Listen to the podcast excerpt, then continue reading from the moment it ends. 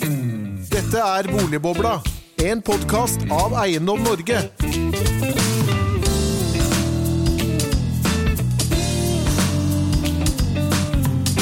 Hjertelig velkommen til en ny episode av Boligbobla, denne gang om stygg og pen boligbygging og byutvikling. For denne våren har arkitekturopprøret satt dagsorden i det norske ordskiftet, men debatten om stygg og pen bolig- og byutvikling har ulmet lenge. Arkitekturopprøret har vært i undergrunnen i sosiale medier i flere år, og høsten 2020 stakk eh, stortingsrepresentant Stefan Heggelund hånden ned i vepsbolet. Hva som tillates bygges er et politisk spørsmål, og hvorfor må alt være likt, spurte han. Og denne våren har eh, direktøren for Oslo Arkitekturtrinale, Christian Pag, svunget pisken over hovedstadens nyere bolig- og byutviklingsprosjekter. Hva er stygg og pen by- og boligutvikling, spør vi, og hvordan skal vi skape en bedre by? Vi har fått med oss noen utmerkede gjester for å ta oss gjennom dette temaet, og selvfølgelig er jo da Stefan Heggelund, stortingsrepresentant for Høyre. Hjertelig velkommen til deg. Tusen hjertelig takk. Og selvfølgelig så har vi da fått med oss lederen for eh, direktøren for eh, Oslo Arkitekturtrinale, Christian Pag. Hjertelig velkommen til deg også. Takk skal du ha. Og ved min side som alltid sitter selvfølgelig Eiendom Norge-direktør Henning Lauritzen. Hjertelig velkommen til deg. Tilbake i studio. Det er lov å ha bare én meter avstand nå, ikke to. Så. Ja, herlig, herlig å være tilbake. Men jeg må jo begynne med deg, Henning, fordi det, det folk ikke vet om deg når vi har dette temaet, om, om uh, pen og stygg byutvikling og boligutvikling og arkitektur, det er jo at du faktisk tar vare på en del av kulturarven. Må du fortelle? Hva er det du tar vare på ute på Nesodden? Oh, ja, ja, ja, nei, det er, det, det er, egentlig oldefaren min. Han var muremester og bygde litt av hvert. Og så, så, hadde han mange sønner, og en av dem ble en ganske kjent funkisarkitekt, Sverre Aasland. Og en av de tingene han tegnet, 1932 var det vel, var funkisbadehuset vårt på Nesodden, som jeg står og skraper og maler hver eneste sommer. Så det er vel kanskje mitt bidrag til bevaring av, av god arkitektur i Norge. Og hvordan er det dette, dette ser ut rent arkitektonisk, og, og fargebruken, for ikke glemme det? Ja, nei, det er, det er det, Altså, disse badehusene på Nesodden er en spesiell affære. De står altså på jernbein ute i vannet, sånn to og en halv, tre meter over vannet, og så, så er det et lite funkisbygg, kvadratisk, med gul, hvit og grønntoner, som, som, står midt på, med en ganske spesiell konstruksjon. Og vi har arkitekter som, som stopper og, og, kikker når de går forbi hver eneste sommer, så jeg kommer i snakk med alle når jeg står og skraper. Så, så det, er ikke bare et, det er ikke bare et privat anliggende hvordan ting ser ut, det det er også noe omgivelsene og, og, befolkningen rundt der ute bryr seg om? De, de, passer utvilsomt godt på at man tar vare på det de syns er viktig. Men Stefan, du, du, var jo da kanskje den første politikeren her i høst som, som, som brøt igjennom lydmuren og sa at da våre bygde omgivelser er et politisk spørsmål. Hva, hva, er det du egentlig mener med det? Og hvorfor gikk du ut med dette, ikke minst? Jo, jeg, jeg, altså, jeg gikk ut med det fordi at det, dette var en tanke som hadde bygget seg opp over lengre tid. Uh, og så tenkte jeg nå er det bare å gjøre det. fordi at uh, som du sa i innledningen, det er jo å stikke hånden ned i et vepsebol. Så jeg gruet meg. Men samtidig så mente jeg at det var også veldig viktig at denne debatten ble tatt opp fra politisk hold. Det er lenge siden byutvikling som byutvikling. Altså det er mye som kan inngå i tema byutvikling, men byutvikling som et eget tema var den store delen av den offentlige debatten. Det til tross for at hvis man ser f.eks. Oslo kommune, så tror jeg det er noe sånt som mellom 60-80% av sakene som behandles i, i bystyret eller byrådet, i rådhuset, er til enhver tid byutviklingssaker. Mm. Det kommer jo en av kommunenes så, hovedoppgaver. Nettopp. Absolutt. Og, men så er det slik at eh, arkitektur, det kan absolutt omtales som kunst i aller høyeste grad. Men det er ikke som annen type kunst på følgende måte. Eh, hvis du leser en bok du ikke liker, så kan du legge den fra deg. Hører du på en eh, sang eh, du ikke liker, så kan du bytte radiokanal og skru det av. Det kan du ikke med et bygg. Et bygg eller et torg og en møteplass, det angår oss alle sammen. Enten så bor vi der, eller vi går forbi der på vei til jobb, vi går tur der osv. Vi må forholde oss til disse tingene. Og Det betyr at byutvikling og arkitektur på den måten også er et demokratisk spørsmål som vi må kunne ha en politisk debatt rundt. Ikke for at man skal gå rundt og være smakspoliti, eh, men fordi eh, at det er noe som angår oss alle sammen. Så selv om du har eiendomsrett, som Høyremann er jo veldig opptatt av eiendomsrett, selv om du har, selv om du har eiendomsrett i et bygg, det er også noe som er, er, festet i Grunnloven da, og Den europeiske menneskerettighetskonvensjonen, så det er ikke bare høyrefolk som er opptatt av det.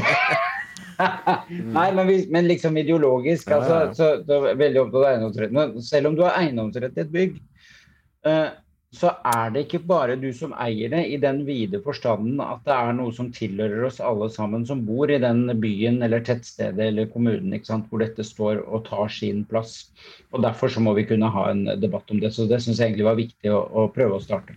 Men Kristian, dette må vel være litt på linje med det du, du også har, har, vært ute med her da du, dere skulle lansere Oslo arkitekturtriennale her, i, her, i, her i, ja, i mars. Fordi du sa vel noe sånt som at eh, vi kan gjøre det enda bedre og det som bygges er oppsiktsvekkende brutalt og lite sjenerøst?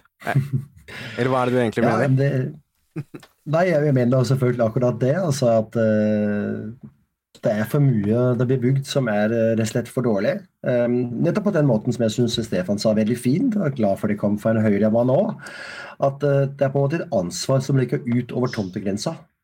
Um, for man må si egentlig hvem betaler prisen for dårlig bygg? Eh, det er ikke den til eier det har solgt det, eh, og det er heller ikke den kjøperen av leiligheten. Men det er naboen som skal se på den eh, bygningen resten av livet sitt. Og så er det jo da eh, barna våre, som da må vokse opp til bygg skal rehabiliteres etter 15 år fordi de var dårlig bygd og dårlig tenkt og ikke ga noe til konteksten. Så det, det, jeg syns det er veldig fint med det du tar opp, Stefan, og som jeg jo da også tar på min måte. Det er liksom det ansvaret man har som, eh, som, på en måte nettopp angår oss alle. Eh, og Det er da både selvfølgelig eh, eiere, eiendomsutviklere og kommune. Det er både byråkrati og politikere, og selvfølgelig fagfolk, da, arkitekter, ingeniører osv. Det, det, det er vanskelig ved å lage by, det er det ekstremt mange forskjellige eh, typer av forståelse og kompetanse og innsikt og økonomi de som skal møtes. da. Så, så eh, jeg vil gjerne gi at, Det er viktig å si når jeg går ut av sint, så det, det er vanskelig å la god by. Men jeg vil si omvendt er jeg fremdeles sint. Altså, det er ikke vanskelig å gjøre det bare bedre altså, enn jeg f.eks. Eh, bygger på stasjon, som jeg ligger etter da fram som en skandaløst dårlig bygg. Det vil jeg det her. da. Men, men hva, hva hvis, vi, hvis, vi, kan være enige om at eh, ja, det, det, er variabelt, da, det som er blitt bygget. Eh, hva er løsningen da for å, for, å, for å, gjøre det bedre i din bok? For du, du, du har jo påpekt da, du gikk jo gjennom ja. også masse prosjekter da, med, med blant annet Obos var det vel, og, og JM, som er, de, hjem, mm. som er noen av de aktørene som du har da kritisert. Eh, hva er løsningen for å få dette til å bli bedre? Mm. Jeg vil si at Dette bidrar da, det å få et språk og en oppmerksomhet på at disse ting betyr noe. Uh, i, i det bygget er resultatet av en rekke beslutninger truffet av mange forskjellige mennesker i over lang tid. Um, jeg er ikke selv arkitekt, men jeg må si jeg har veldig troen på faglighet. Altså uh, Flinke arkitekter, men også andre fagfolk. Men som da jobber med nettopp det felles beste som en uttalt dimensjon av det å utvikle et bygg. Og dette Grefsen stasjonsbygget liker jeg så utrolig lite, for det gir absolutt ingenting til andre enn seg selv. Og Det morsomme er at du går inn og ser på hjemmesiden deres, så er det ikke ett bilde av bygget. Det er bilde av rundt. Så vi har laget en bygning som er en parasitt på nabolaget. Som da skruter av nærheten til Torshovparken og nærheten til Åpent bakeri og til koselige bygninger. Så det er beliggenheten som er kvaliteten, det er ikke prosjektet, er det det du sier? Ja, så, så de, de, de, de, er parasitt. De, tar på nabolaget. Eh, men gir ingenting tilbake. Og Det tenker jeg det er fullt ut mulig hvis man har hatt en type prosess hvor kommunen hadde hatt forventet selvfølgelig Når vi skal bygge jeg vet ikke hvor mange hundre boliger, så vil vi ikke ha en liten skip rekkplass, vi vil ha en flott park. Er jo tre gårdshund som er helt like, helt meningsløse. Ikke plassert med tanke på sol eller utsikt eller fellesskap.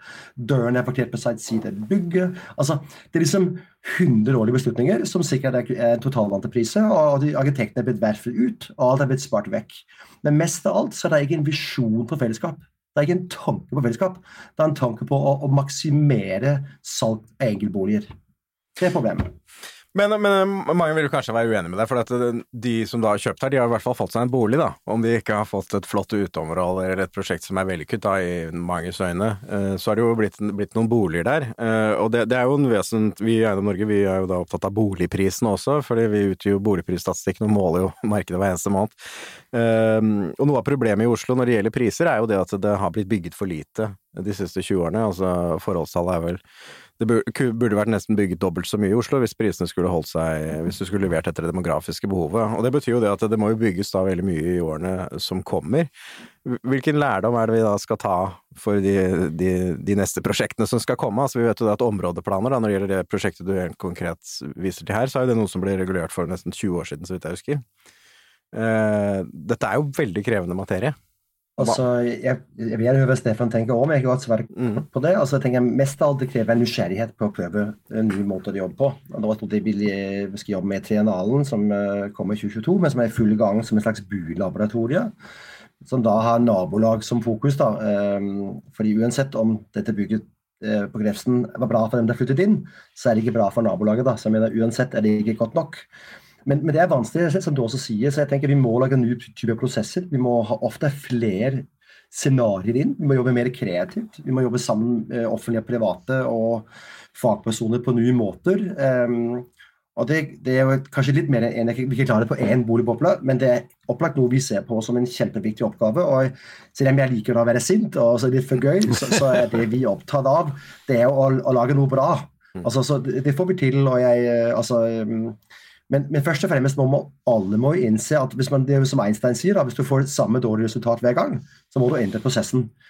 Skal politikere inn tidligere? Skal vi ha mye mer visualitet?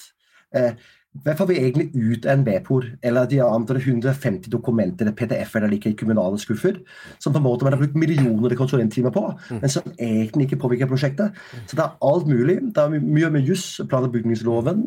Um, ja, så det, jeg, jeg er veldig opptatt av egentlig å skape en slags vilje til eksperiment. Jeg er så redd for å prøve ting på nye måter. Og så må jeg jo si at da skal du bidra, Steffen. da. Politikere må investere i faglighet. Det må ansettes flere flinke fagpersoner. Mm. Henning, jeg tror jeg skal dra inn deg her også. Du er, du er jo jurist her, vi, vi hører jo jussen her. Er det jussen som er problemet? Hvor er det, hvis vi får dårlige prosjekter, da, får det resultatene blir gjentatt dårlige, hvor er det skoen trykker? Nei, jeg, jeg, tror ikke, tror ikke jussen alene er problemet, men, men, men, det er klart byutviklingsprosesser er ekstremt komplekse med, med veldig mange sterke og kryssende interesser. Og jeg, jeg, tror jo det som kanskje mangler i noen sammenhenger, er at man, man får et slags helhetsgrep i prosessene Eh, hvor, hvor, alle drar i samme retning. Så, så, det er klart, der man får til det, så, så, er nok sjansen for at man kan lykkes mye bedre større også. Og så det, vil jeg jo kanskje si at uh, det ligger en del ting i lovgivningen som, som, uh, som kanskje ikke alltid er helt heldig for byutviklingen, alltid. Jeg tenker på Er det på en måte riktig riktig at alle kravene skal dyttes på hver enkelt eiendom. Kunne vi kanskje hatt eh, felles byrom eh, man avga arealer til i stedet? Fikk en god park, fikk et godt torg osv. Og, og der, der kan plan- og bygningsloven faktisk være en hindring en del ganger. Og, og det, det, tror jeg hadde vært kjempeinteressant å, å, få kikket på fremover. For det er sånn Olav Ryes plass på Grünerløkka, folk liker seg rundt den. Eh, hvis, hvis, du ikke får den typen fellesarealer, så, så kan du også få ganske lite bymessige områder. Det blir sånn blanding av drabantby og, og, og, byen, på en måte. Stefan, det, er jo valg nå, og dere i Høyre dere hadde jo landsmøte for ikke så altfor lenge siden. og Du, du fikk vel også inn noen, noen øh, forslag som ble vedtatt om, om byutvikling, så vidt jeg leste på din Facebook-side? Ja, altså det som, da Jeg hadde den Aftenposten-saken som het vel noe sånt 'Hvorfor må, må all ny arkitektur eh, være lik?' eller noe sånt noe. Så hadde jeg et forslag om å, at vi skulle nedsette en kommisjon i Norge på samme måte som de har gjort i Storbritannia. Der hadde de en, en kommisjon som het eh, 'Building Better, Building Beautiful'. Eh, den følges nå opp med en ny rapport om torg- og møteplasser, apropos Olav Prius plass. Mm. Um, og der går det jo gjennom altså Meningen med den var å gå gjennom en del som hva er hindringene, hva er det som gjør at uh, det nå bygges at alt ser likt ut osv. For dette er jo en debatt som ikke bare går i Norge, men som går i flere land i Europa. Eh, og, og, det ble vedtatt eh, at vi skulle gjøre det på Høyres landsmøte. Nedsette en sånn kommisjon. Det tror jeg er bra, nettopp pga. den kompleksiteten det snakkes om. Det er ikke én enkelt løsning som kommer til å, til å, bringe oss videre her. Det er at vi må gå gjennom eh, plan- og bygningsloven, uten tvil. Eh, vi må se på hvordan kommunene legger opp sine byutviklingsprosesser. Blir innbyggerne godt nok involvert? Alle vet at vi har klagemuligheter i Norge.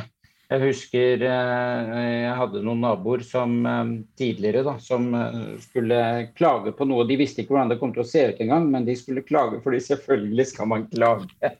Så alle vet at klagemulighetene fins, men er dette gode involveringsprosesser? ikke sant? Og alt dette her. Hva vil utbyggere for fremtiden? Hvilke visjoner har egentlig de for byutviklingen? Og hva tenker arkitektene? Og jeg mener det er helt riktig å få alt dette inn. Og så må man da selvfølgelig passe, passe, på at det er et arbeid som ikke blir lagt i en skuff.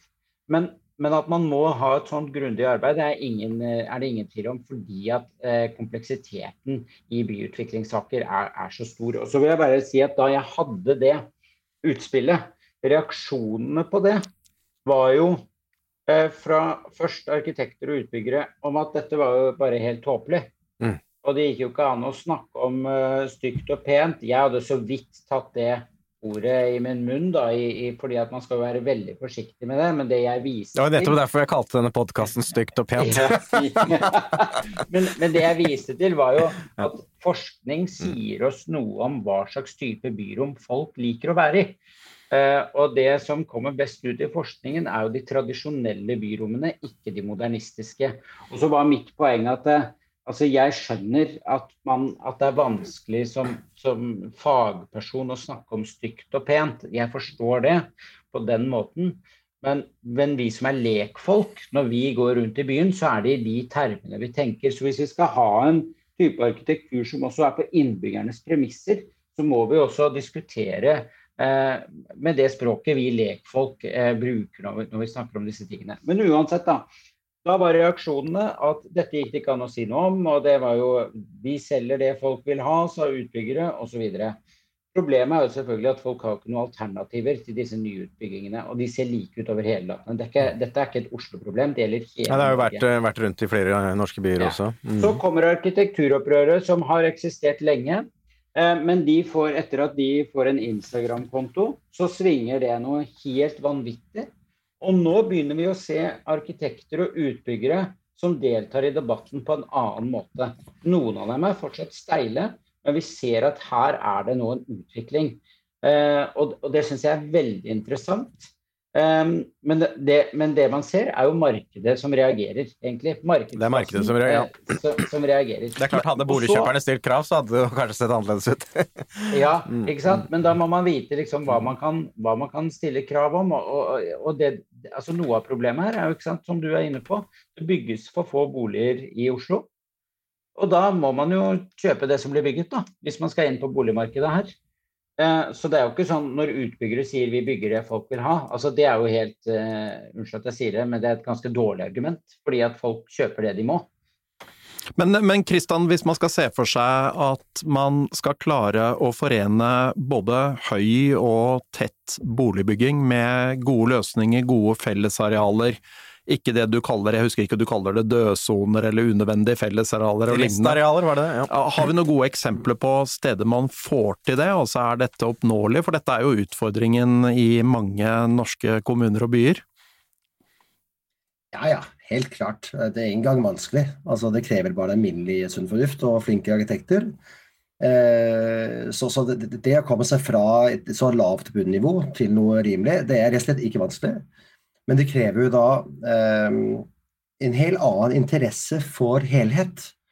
Og du har på en måte en, litt, si, en markedsfeil, da, for å bli det før, med hvem egentlig kjøper den. da. Fordi For den enkelte kjøper så er det litt sånn Shit, jeg må kjøpe meg leilighet, jeg må inn på boligmarkedet. De har de ikke noe valg. Si, det er jo nesten en slags monopolkapitalisme. Da, en situasjon hvor du kan ikke, Hvis du har, jobber i Oslo, så må du ha den leiligheten. Så alt selges på en måte. Um, så den det skal representere da nabolagets og fellesskapets interesse, det er jo da i teorien kommunen, men som da også har veldig mye å gjøre, kanskje en litt underbevannet stab, eh, politisk press på å bygge raskt osv., så, videre, så har du en mastersituasjon. Um, Og det da blir tror jeg, veldig viktig å finne et språk om den verdien det ligger i det, som ikke er salgspris og kjøpspris, f.eks., selv om jeg skjønner det folk tenker i også. Um, men det der er jo ikke helt grunnleggende utfordring, er jo nettopp uh, at boligbygging er uh, industrialisert, og utviklere er opptatt av å risikominimere. Hvis det er én ting utviklere ikke liker, så er risiko. Så det er et ekstremt Det er jo ikke så rart, da, de gitt pengene de setter i aktivitet. ja, det, det, er jo klart, men, men det må man si. Mm. Og, og, og, De viktigste er kanskje entreprenørene, da. Mm. Eh, og, så er det dere. Jeg skal selge eiendom, da, som ja, vi gjerne selge en, en, en hjørneterrasse, eller dere vil selge dere og den planløsning disse grepene på hva, hva er å bygge. Og Helst må vi bygge siste uke i Stavanger, ikke bygge i Trondheim uken etter, fordi vi kjenner konstruksjonsmetodene, vi kjenner leverandørene av alle elementene. Det er ekstremt press både fra kommersielle aktører og fra jussen om at alt skal være likt. Desto likere, desto enklere å bygge, desto billigere, desto flere penger tjener jeg. Så, så både jussen og kommersielle krefter presset på likhet. Men det vi elsker i byen, det er de særlige. Mm. Det er de rare hjørnet. Mm. Det er de gamle epletrærne er bestående. Er, altså, så, så, den krefta skal mot eh, standardisering. Det er altså et enormt trekk. Og da må vi da kunne argumentere for at eh, vi må investere i det. Og det krever da flere penger til flinke arkitekter som faktisk kan tegne en god bygningsplan. Det der med Learn, f.eks., det er en elendig bebyggelsesplan. Masse døde arealer. En flink arkitekt kunne brukt to dager til å lage en bedre plan, som var litt så tett, men som var bedre definerte rom. Men det har man ikke prioritert. Og så har man da barbert vekk alle sånne elementer, og all bygningsmaterialitet er bare så sørgelig dårlig. Og så har man tjent masse penger likevel. Men, ingen, altså, den, dem der sinte, det er jo eh, meg og kanskje Steffen da, takker rundt. Den der bor der, de har fått en leilighet. Det, det er jo arkitekturopprøret, det er jo noen av de også, da. men heldigvis nå, da, er det kommet. Det har jo skjedd utrolig mye denne våren. Men, men, en sånn Men en sånn, og jeg, vi ser jo også, jeg ser også altså, Dette diskuteres jo også internt i arkitektstanden og i, i Arkitektnytt. Men, men, altså en sånn kommisjon da, som det Stefan her har foreslått, og har fått eh, gjennomslag i, i Høyres program for neste periode på, på Stortinget, det, det må jo være musikk i dine ører, da? eller? Ja, ja, det syns jeg er en god idé, og vi skal snakke mye mer om dette. Men jeg tror det er veldig viktig nettopp å skjønne at svaret på disse problemene ikke er alene f.eks. juss. Altså, det er helt opplagt, jeg er helt enig med, med deg, Henning, om dette med at disse reglene krever altfor stive. Mm. Um, regler er jo laget for å sikre en slags minimumskvalitet, mm. men man må faktisk se for seg at det krever eh, flinke folk. Tenk dere, Du, du pratet om kunst i stad, Stefan. Hvis du skal ha et bra kunstverk, du ringer ikke til en jurist. Og det var til skrive et kunstverk. man, man burde, burde, kanskje hatt det for å få skikkelige skikkelig materialer på lerretet noen ganger. Ikke sant? Så, så, så det, det med å skjønne på en måte at vi har liksom glemt det språket om at det å skape barabu, det er også en slags mm. eh, dyp faglig kompetanse, nesten en slags magi, faktisk. Og det, vi har et veldig dårlig språk for det. Eh, og da må Jeg si det, jeg gleder meg veldig til, også er meglerne faktisk, og Estate Media, prøv å få frem en diskurs som handler om kvalitet. Som handler som betyr noe, og ikke alltid denne overskriften med den og den har tjent 40 millioner, den har solgt noe for 150 millioner. Altså, Penger er viktig, men penger er jo ikke alt. Mm, mm. Nei, Det er jo viktig å bygge noe nytt, bygge noe, noe som er godt. Men det som er, er min Kan jeg komme med en ja. kommentar? Uh, bare fordi Vær så god. Da, etter at jeg hadde hatt den saken i Aftenposten, så var det også en del lokalpolitikere som tok kontakt med meg. De sa at dette var en veldig viktig debatt eh, osv. Og, og, og dette var fra flere forskjellige kommuner. Eh, og Et av poengene som dukket opp, var at når en utbygger av en viss størrelse har lyst til å legge igjen penger i kommunen, så blir man så glad at man tenker ikke så mye på alle disse andre tingene. Man lar seg blende av alle disse grafikkene som kommer til politikerne om hvordan dette skal se ut. Så ser man jo at når det, det blir noe helt annet, det har vi jo sett på Munch-museet. Så, så, så, blir det jo noe helt annet. Uh, men, men, men det er denne gleden over at noen vil legge igjen penger i min kommune. Kanskje vi kan få litt tilflytting, attraktive boliger, eller at barnefamilier blir hos oss. Og så tenker man ikke så mye på det andre.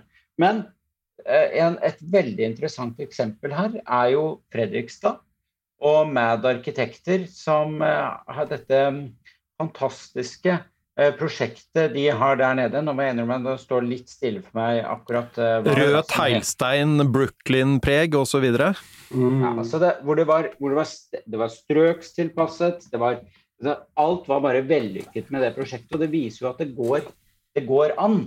Men nå er det jo sånn, jeg bor jo da i, i Oslo, og, og eh, tomten ved siden av gården eh, her jeg bor Vi kan jo se at du har stukkatur, så det går ut fra at du bor i en 1880-tallsgård. ja, men det er første gang jeg gjør det, vil jeg bare si. Det er første gang jeg har stukkatur i mitt liv. Ja. Men uansett, nå skal, ved siden av her så er det en tomt eh, med noen garasjeplasser og sånn som er solgt. Og hvor det da et av, eh, et av salgsargumentene si, var at uh, her kan du bygge noe nytt. Der hvor det er garasjer osv. Og, da er det jo bare å vente på da, at det kommer et ikke strøkstilpasset blokk som kommer til å bryte helt med det som ligger i området her. Og, det, og, og da er det da fordi politikere synes det ser tøft ut, at de ikke vil blande seg for mye, at de ikke vil være smakspoliti. Hva er det som er beveggrunnene i disse prosessene? Det, det, kunne jeg Ja. Men det er jo dette noe man må finne ut mer av, da, fordi kompleksiteten her er så høy. Men, men, nå har jo altså, Nikolai Astrup, da, som er jo boligminister, har jo fastslått da, konstatert at, at kommunene de kan jo stille krav til farger og estetikk og lage planer osv. Eh, men i, i, hvert fall i, liten grad har gjort det i, i, nyere tid. Så det er jo muligheter her innenfor det eksisterende regelverket. Eller hva sier du, Kristian? Mm.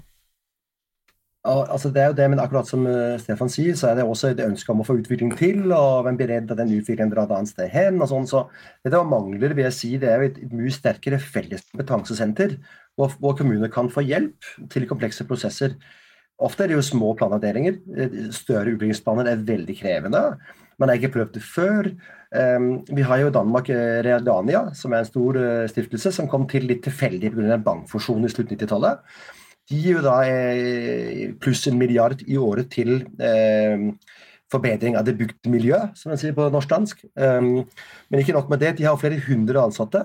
Som da Hver gang en kommune har et vanskelig prosjekt, så kan de ringe til Alania, og så får de ofte penger, men også faglig veiledning og da Hvis Ramers har laget en utviklingsplan eh, om eh, å binde sammen med vannet, så kan Horsens etterpå lage en tilsvarende prosess inspirert av ordentlig samme grep og metoder. og vi får da faglig bistand, profesjonelle arkitekter er med i en prosess, prosessbistand osv. Pluss kanskje tre millioner til å lage en sånn prosess. Og jeg tenker I Norge det har brukt 1200 milliarder på infrastrukturplan. Sett av da 20 milliarder, og for, for, for en tid med, med, med, året, så har det Norvegia. Og jeg tenker at Det er det beste, enkleste grep for en uavhengig, sterk vitensaktør som kan bidra i disse prosessene. Men eh, hvis vi ser på Norge, så, så, har vi kanskje litt samme situasjon som Danmark. At vi har noen områder, eh, Oslo, København-området osv., hvor, hvor man kanskje kan si at alt selger uansett, for det er så mange som vil bo der. Men men hvordan kommer denne problemstillingen inn andre steder? Nå nevnte du Horsens, vi kan jo si Namsos i Norge. Altså, man har ikke det samme presset på eiendomsmarkedet der. Blir ikke kvaliteten på byområdene og prosjekten viktigere når ikke enhver kommer og kjøper det du selger? Det vil jeg jo si, da, men igjen, det som er litt, det er også det, Jeg er veldig opptatt av at det syns jeg er fint, det du sier, Steffen, med medvirkning og politisk eh, sånn, eh, vurderingsevne. Og jeg syns det er veldig viktig at man har det demokratiske inn, inn, inngangsveien. da. For det er politikerne og dem vi har valgt. da. Det er jo liksom de, mest legitime demokratiske representantene. Men igjen må jeg bare si det å faktisk skjønne en plantegning og skjønne at det prosjektet er godt, det er veldig vanskelig. Altså, Det krever i det ganske mye kompetanse. Så man må nesten ha, ha, ha guide, guider. altså Man må ha folk å åpne liksom et språk, og man må bruke tid på det. Og Sitter du da i Namsos og er tre planleggere, eller jeg vet ikke, kjenner ikke Namsos, da, så er det veldig vanskelig. at Du, du vet, Alle liksom kjenner hverandre litt i forveien. altså, det med å få folk utenfra si F.eks. Dania eh, har jo laget en kjempeinnsats for å kartlegge landsbyer i Danmark. Se på strategier, hvordan gjør den ene og den andre landsby, hva fungerer. Hva kan man dra fram som identitetsmarkører som gjør den landsbyen ekstra spesiell? Jobbe med idrettskultur og fiskeri og surf. og altså så, men, men, det å faktisk ha et felles vitensmiljø som kan bidra til at disse stedene kan bli mer seg selv, og ikke bare bli inn en uh, Kiwi-butikk på katten av eh, byen, der det ødelegger den siste handelsvibrasjonen inn i sentrum. ikke sant? Det er det vi skal unngå. Men, men, men, er det dette som er eh, grunnen til at de danske byutviklingsprosjektene roses sånn opp i, opp i skyen? I hvert fall her i Norge hører er jo Danmark eller København kanskje spesielt fremhevet som, som veldig god på, på byutvikling, da? Ja. På ett nivå har det, vært, det har hatt en utrolig stor betydning. Den ene organisasjonen med så mye kraft eh, har hatt mye å si, også med å løfte frem mange av disse danske arkitektene. Det har blitt veldig kjente og sånn. De, de, de har gitt unge arkitekter sjansen. De har krevd uh, arkitektonisk kvalitet i de prosjektene de har gått inn i. Man har løftet det her, et helt fagfelt, faktisk. Men også politisk og byråkratisk er det blitt skjedd, skjedd en vitensutveksling som er ganske fantastisk. Jeg må si en annen ting, og nå håper jeg ikke blir for upopulær, da, fordi det er sånn dansk nasjonalistisk poeng til. Jeg, jeg er halvdansk, så det er Henning er jo halvt dansk, så det er ikke noe problem. Det er bra. det er bra. Um, derfor har du på med det funkishuset, da. Ikke sant? Um, nei, um, det er jo noe med en slags uh, grunnleggende designkultur òg, som jeg tror har noe å si. Som også kanskje ligger i at det ikke er upopulært hvis alle dere er sånn høyrefolk, da. Men man har i København for eksempel hatt en mye mer styrt og på kommunale hender redigert utviklingstenkning. Og um, jeg syns egentlig ikke det bør være et politisk spørsmål, men jeg, sier, jeg tror det har ligget en styrke i at kommunene har hatt mer kontroll, hatt mye sterkere fagmiljøer, og en, også en større selvtillit. Som jeg har sagt til da, uh, utviklere Altså det har vært byplanlegging, er det du sier? Det har er- er byplanlegging. det, det er faktisk en god idé, da. Kan jeg komme Ja, vær så noe god. der? Ja. Ja, for at det er litt sånn eh, Det mener jeg også har skjedd i Oslo. Altså, det var eh, Høyre eh, som, eh, som tok initiativ til Fjordbyen. Til store protester opprinnelig. Eh, Blant annet fra min bestefar, som ville ha altså, sånne kraner og loshavner. Skrev sinte innlegg i Aftenposten på slutten av 90-tallet. Nettopp. Mens Fjordbyen, Fjordbyen eh, er jo etter mine begreper en, en stor suksess. Og man kan godt diskutere enkeltprosjekter inn i Fjordbyen, det, det er helt legitimt, det selvfølgelig. Men, men selve eh, ideen og hvordan det har blitt totalt sett osv., syns jeg eh, det er et veldig godt eksempel på byutvikling. Eh, byplanlegging initiert av eh, tilfeldigvis, eller kanskje ikke tilfeldigvis. Det er jo fordi kommunen eier, da, gjennom, eller delvis eier det, eh, kanskje? Ja. Eller? Mm. Ja, men så, eh, så er det lyst til, fordi at Vi har snakket mye om utbyggere, og utbyggere har definitivt eh, et stort ansvar, kanskje et hovedansvar også vil være riktig å si. Eh, fordi de har de, kan, de, kan, de styrer prosjektene ut fra det de mener er, er mest, altså økonomisk best osv. Og, og så håper jeg, så mener jeg at det er helt riktig tenkt av en utbygger også å tenke, tenke på økonomien i et prosjekt. ikke sant? Bare sånn at ingen misforstår det. Eh, altså, dette er jo folk som skal ha inntjening sånn at de kan utvikle andre steder osv. Bare sånn at vi ikke, altså ikke misforstår hverandre der. Men, men det er jo også arkitekter som har reagert på denne debatten. Og jeg husker jeg diskuterte med, med en arkitekt eh, som sa ja, men selvfølgelig må vi tegne modernistisk. Og det er jo helt greit at man tegner modernistisk. Spørsmålet er må alt være modernistisk. Kan vi ha større variasjon? Eh, og en ting som jeg som jeg etterlyser litt, det er jo um, I Norge så mener jeg at vi har en ganske flott byggetradisjon. Jeg sier ikke at alt uh, i urbane strøk også skal se ut som gamle norske husmannsplasser. Men det jeg sier, hvorfor ser vi nesten ingenting om noe som er inspirert av de byggetradisjonene vi har i Norge, også i urbane miljøer? Uh, og det, det kunne jeg egentlig uh, tenke meg å spørre Christian Pag om hvorfor, hvorfor man tror det er sånn. Altså er dette Det er jo noen som snakker om eh, at det er en, en ideologi som man ha, får eller har som arkitekt, eller som dagens arkitektstand har. Men, men, dette kan jeg ikke nok om, så det hadde vært veldig interessant om du kunne, om du kunne si noe om det. Hvis det var greit at jeg tok over Ja, ja. slags, og Nå blir du programleder, det er greit. Men, men det er jo et, i og for seg et veldig godt poeng, fordi at det, du har vel også sagt det, Kristian, at det, noe av det som, mye av det som bygges i dag, det kunne stått hvor som helst. Altså, det er vel også uten en viss Ja. sånn stedstilpasning eller tilhørighet til, til det som er der fra før, da. Og det landet, altså. Det er jo helt åpenbart norsk byggerskikk. Takk for spørsmålet, Stefan. Um, altså jeg, jeg lurer selv. Jeg har også lurt selv som barn. Jeg har norsk mormor. da, så Jeg, jeg vokste opp eh, med sommerferie på Tjøme. Jeg kjørte hjem mot Tønsberg. Jeg bare tenkte hva faen driver de med, disse folk som liksom bruker i Tønsberg om dagen? Altså Det var så fine trehus, og så bygger man ting som fullstendig uten tanke og kontekst. Så, så, men, men, jeg tror det er viktig å skille diskusjonen litt av, og det tenker jeg også noen ganger at um, arkitekturarbeidere sliter litt med. Modernisme er jo flere ting. da. Det kan, kan sies å være en slags stil eller et slags formspråk. Um, uh, og da kan vi jo si liker man den av den type, men modernisme innenfor selv samme formålsspråk kan være utrolig fint. Og veldig på en måte stedstilpasset på en modernistisk måte. Mm. Um, og det kan være veldig dårlig. Men modernistens, modernistens uh, mest interessante tiltak er at man jobber på en måte med en, en visjon og på en måte et opplyst fellesskap, man løser problemer, man tenker i helhet. Altså, det er noen veldig fine dimensjoner i sånn det si filosofisk modernisme. Mm. Så den, jeg tror at det som jeg ser for meg, er at man bygger videre på ikke at boligproduksjon er sånn romantisk eh, sånn, eh, Lager litt eh, stukk.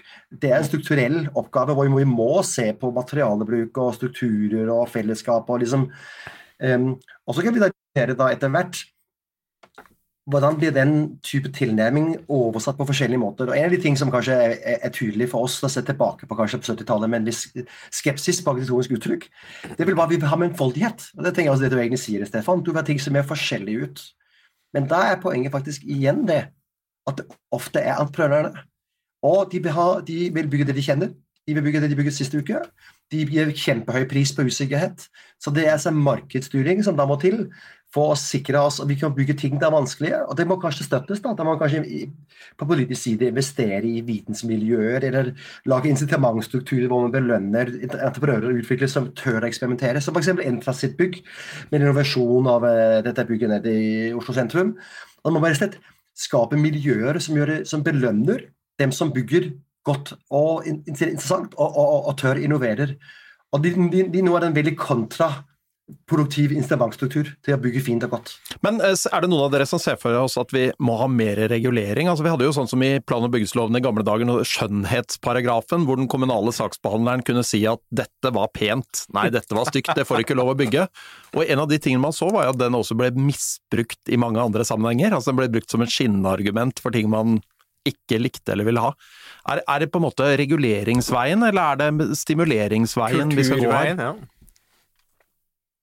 Stefan? Nei, jeg, ja, jeg kan begynne. Nei, fasiten på det har jeg ikke. Det er derfor jeg vil ha en kommisjon på det. Men la meg si det sånn, jeg tror dette er en kombinasjon. Mener jeg at man skal kunne sitte og si som saksbehandler nei, dette var pent, dette var stygt, så det går ikke.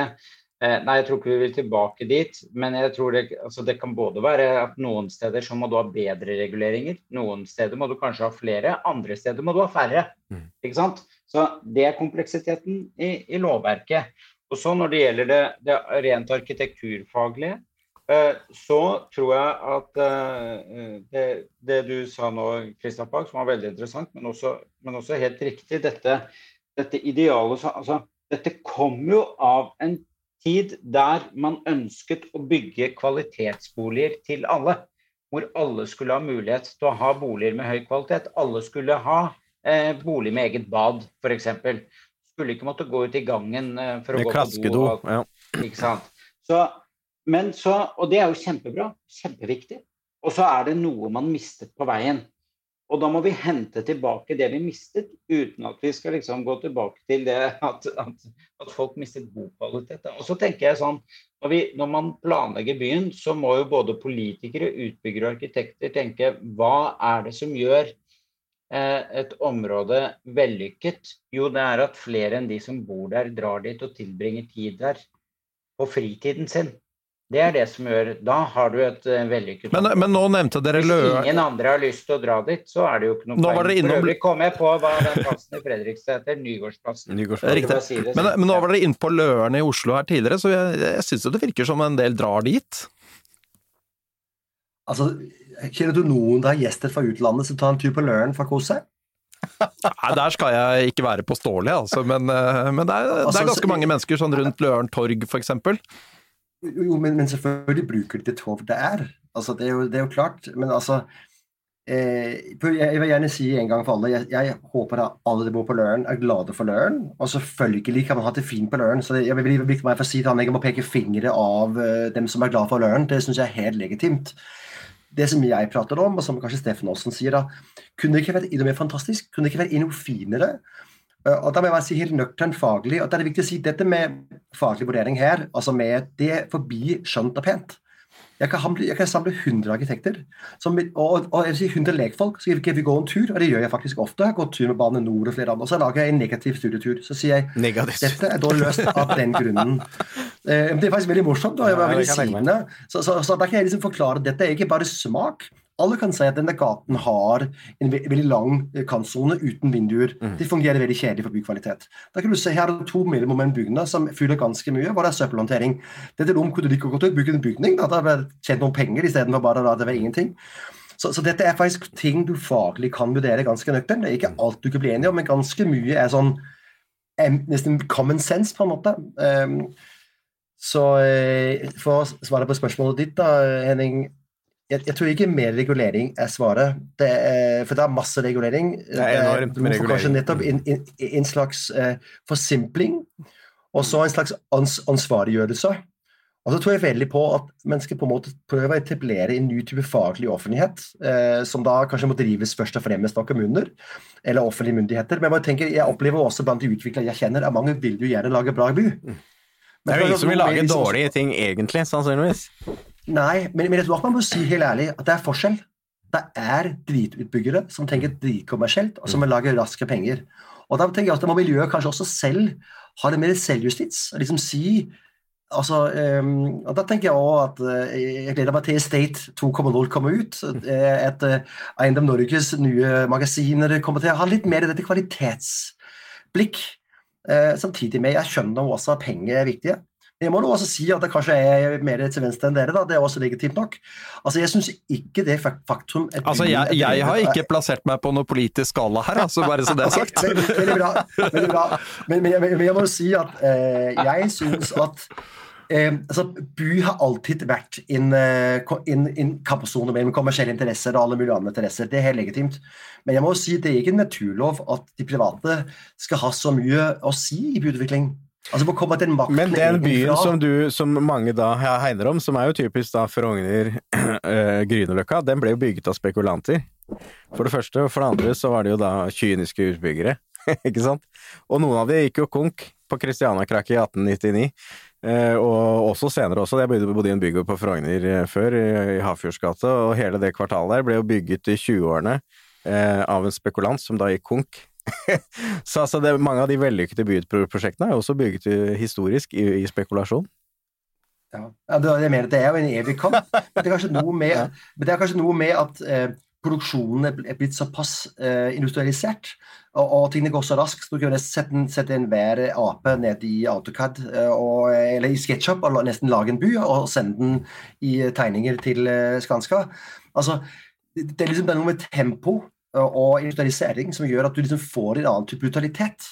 Um, Men nå, at, ja. ja, jeg- nevnte jo Stefan at Ja, men Stefan, du må svare på én ting, og det er altså, ha, Har vi noen eksempler sånn, hvis vi ser bort fra Nygårdskvartalet i Fredrikstad osv., fra, fra nyere byutvikling de siste ti år, hvor man har klart å skape byområder som folk har lyst til å dra til, nye byområder fra Norge. Kjenner dere til noe sånn? Har dere noen eksempler på noe sånn? Ja, så jeg mener jo at det er mye i Fjordbyen som er sånn. Det er jo eh, nytt og moderne, og, så, så det er ikke det. Absolutt. Man, man klarer det jo, men det er bare det meste av det som skjer. og det Spesielt når det gjelder nye næringsbygg eh, eller nye store eh, blokkbebyggelser. Eh, så, så ser det likt ut over hele landet, og det virker ikke som om man legger så veldig mye arbeid i det, for å være helt ærlig. Jeg er veldig opptatt av for øvrig heller ikke å angripe eller gå liksom mot noen spesifikke områder i byen. Det har jeg heller ikke gjort. Eh, men jeg leste et, et, leste et innlegg i, i eh, Vårt Oslo, loka, en av våre lokalaviser her i byen, eh, skrevet av en mor og hennes sønn, som vel var tolv år, eller jeg tror han var tolv år. Eh, og de bodde i Nydalen. Eh, og de beskrev jo et område som aldri ble ferdig utviklet. Hvor de ventet på ting som hadde blitt lovet av utbyggere og kommunen, og som aldri kom. Og en skole som ikke ble klar eh, i tide. At det var ikke nok plasser. Eh, og i tillegg så var det jo da slik at eh, folk bodde der ikke lenge. Mange av vennene da til denne sønnen hadde jo bare flyttet. Og det kom nye inn, og de flyttet. Og det kom nye inn, og de flyttet. Og da må jo utbyggeren som har vært involvert der, spørre seg har jeg laget et godt langsiktig prosjekt, eller har jeg tenkt på noe helt annet da jeg holdt på med dette? Og politikerne som har godkjent det, de må også tenke de samme tingene. Mm. Uh, og svaret, svaret blir jo åpenbart. Ikke sant? Her har ikke jobben vært god. Mm. Men det kommunene driver med, det er jo så vanskelig at bare en kommune kan drive med det, så Kanskje det er kommunen som er svaret her. Nå ser jeg jo klokken si jeg Klokken tikker jo her, for vi må gå, også gå i for landing, så det ikke blir for langt for lytterne. Men siste poeng, ja. Ja, bare til venstre eller høyre i politikken og alt det der. Altså, det, er, det, det er veldig Som jeg var litt inne på i sted også. Eh, vi får ikke noe utvikling hvis det ikke er økonomi i det. Og det er litt viktig at vi liksom at vi ikke kommer i en sånn slags eh, illusorisk, eh, utopisk eh, virkelighet. Der man bare må se helt bort fra, fra markedet osv. Og, så videre, og at det ikke skal være noe inntjening. Det går ikke. Også utbyggere må tjene penger på prosjektene sine. Men det som er bra nå, er jo at når vi debatterer dette, så ser man at markedet mener noe annet, og de mener det mye sterkere enn det utbyggerne faktisk trodde at de gjorde. Eh, og, eh, og, og det betyr at det også er politisk rom for å gjøre noe med disse prosessene for å forbedre dem. Og det håper jeg absolutt at vi får til.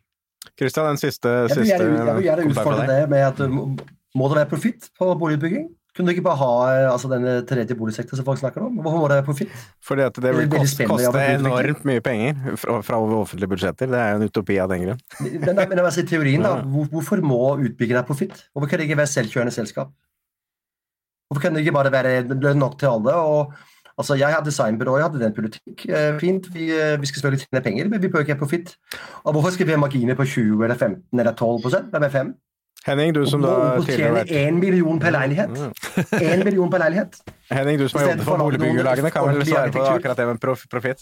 Ja, nei, det er jo jeg vil si det er et eh, komplisert og sammensatt spørsmål, men, eh, men i, eh, ja, i, i Kristians hjemland så har man jo en, en stor tredje boligsektor med allmennboligene, men det er klart det har også ført til mange problemer vi har sluppet her i Norge.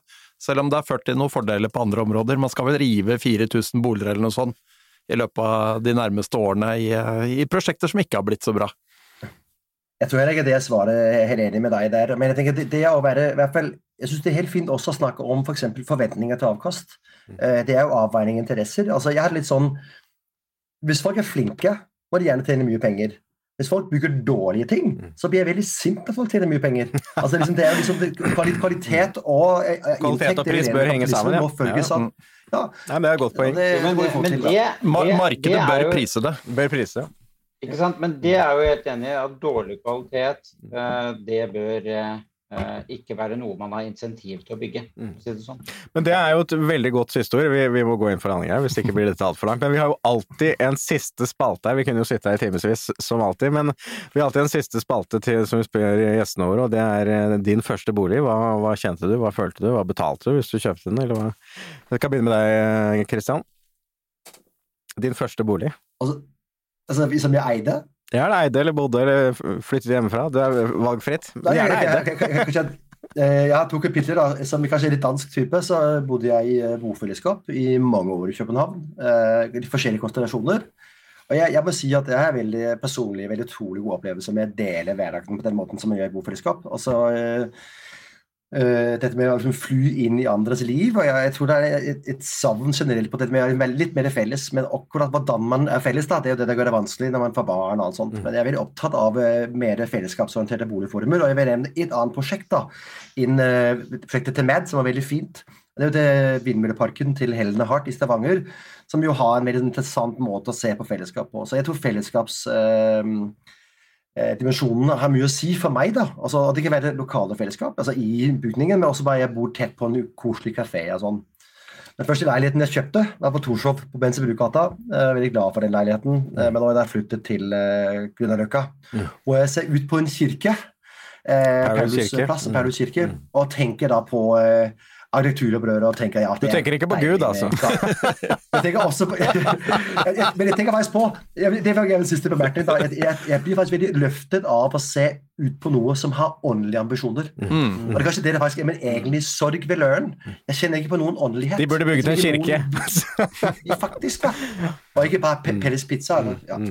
Nei, det, Men, eh, men det er bare et tipp, bare apropos Paulus kirke, den er jo utrolig nydelig pusset opp innvendig også. Er jo blitt så fint, så den, eh, det burde folk besøke og, og se på. For den er eh, et utrolig godt arbeid som er utført innvendig nå. Mm. Eh, min første bolig, hvis jeg ikke husker helt feil, så var det eh, studentsiloen på Grünerløkka. Som jeg for øvrig syns er et veldig godt Mm. eksempel på hvordan man kan gjøre ting og utnytte eh, eksisterende bebyggelse.